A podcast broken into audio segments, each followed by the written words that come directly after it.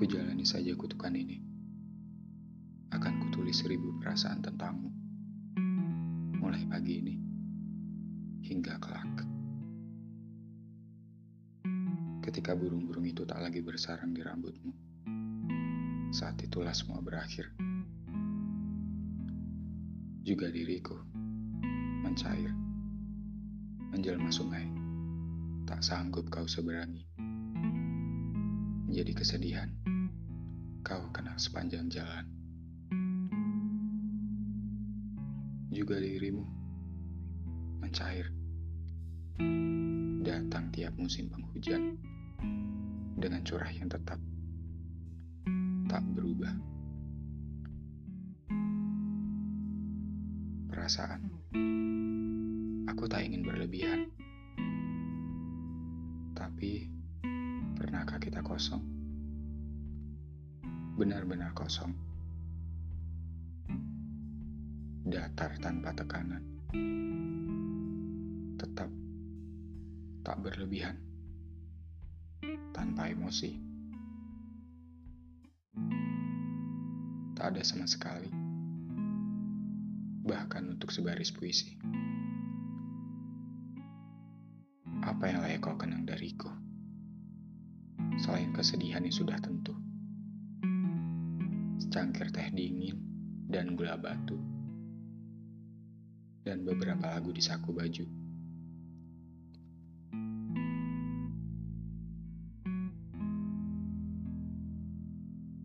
Sebagaimana dirimu yang tetap gampang jatuh, gampang tersentuh,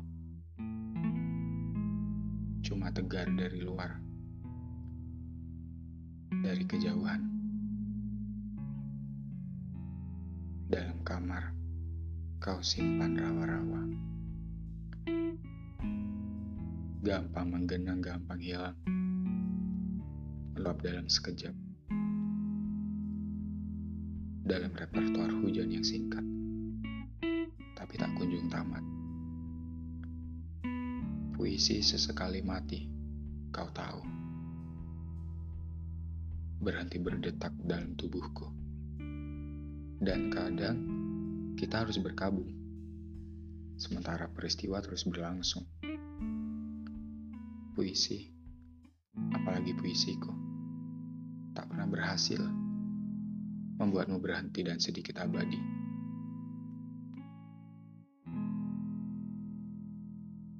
Sekali lagi, pernahkah kita sepi? Seperti tong yang tak berisi cuma gaung, sisa keramaian tahun lalu. Saat ada seseorang yang bangun di sisiku. Bangun dan membangunkanku dengan kecupan kecil dan nama kecil. Bagaimana kau harus memanggilku? Lelaki yang selalu nampak hendak pergi dengan tas kecil yang tak pernah benar-benar terisi. Aku tak lagi bisa mendengar apa-apa. Ledakan keras sekalipun. Bagaimana kau mesti mengingatku? Mengekalkannya di sesela rambutmu yang ikal, yang tak pernah benar-benar kering. Kepalamu sudah penuh terlalu penuh dengan dirimu. Sebagaimana rawa, katamu, kau tak mau diselami, tak kunjung mau dipahami. Ada yang takut menjadi batu.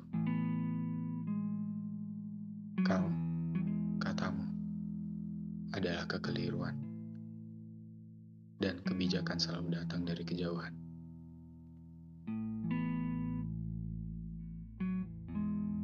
Kau juga menyimpan jembatan dari kayu Sumatera yang selalu berderak jika seseorang memaksa melintas, yang kerap membuatmu terbangun dan kurang tidur. Ada yang ingin terus berlanjut, seperti luka di kepalamu yang selalu hadir dengan garukan tanganmu.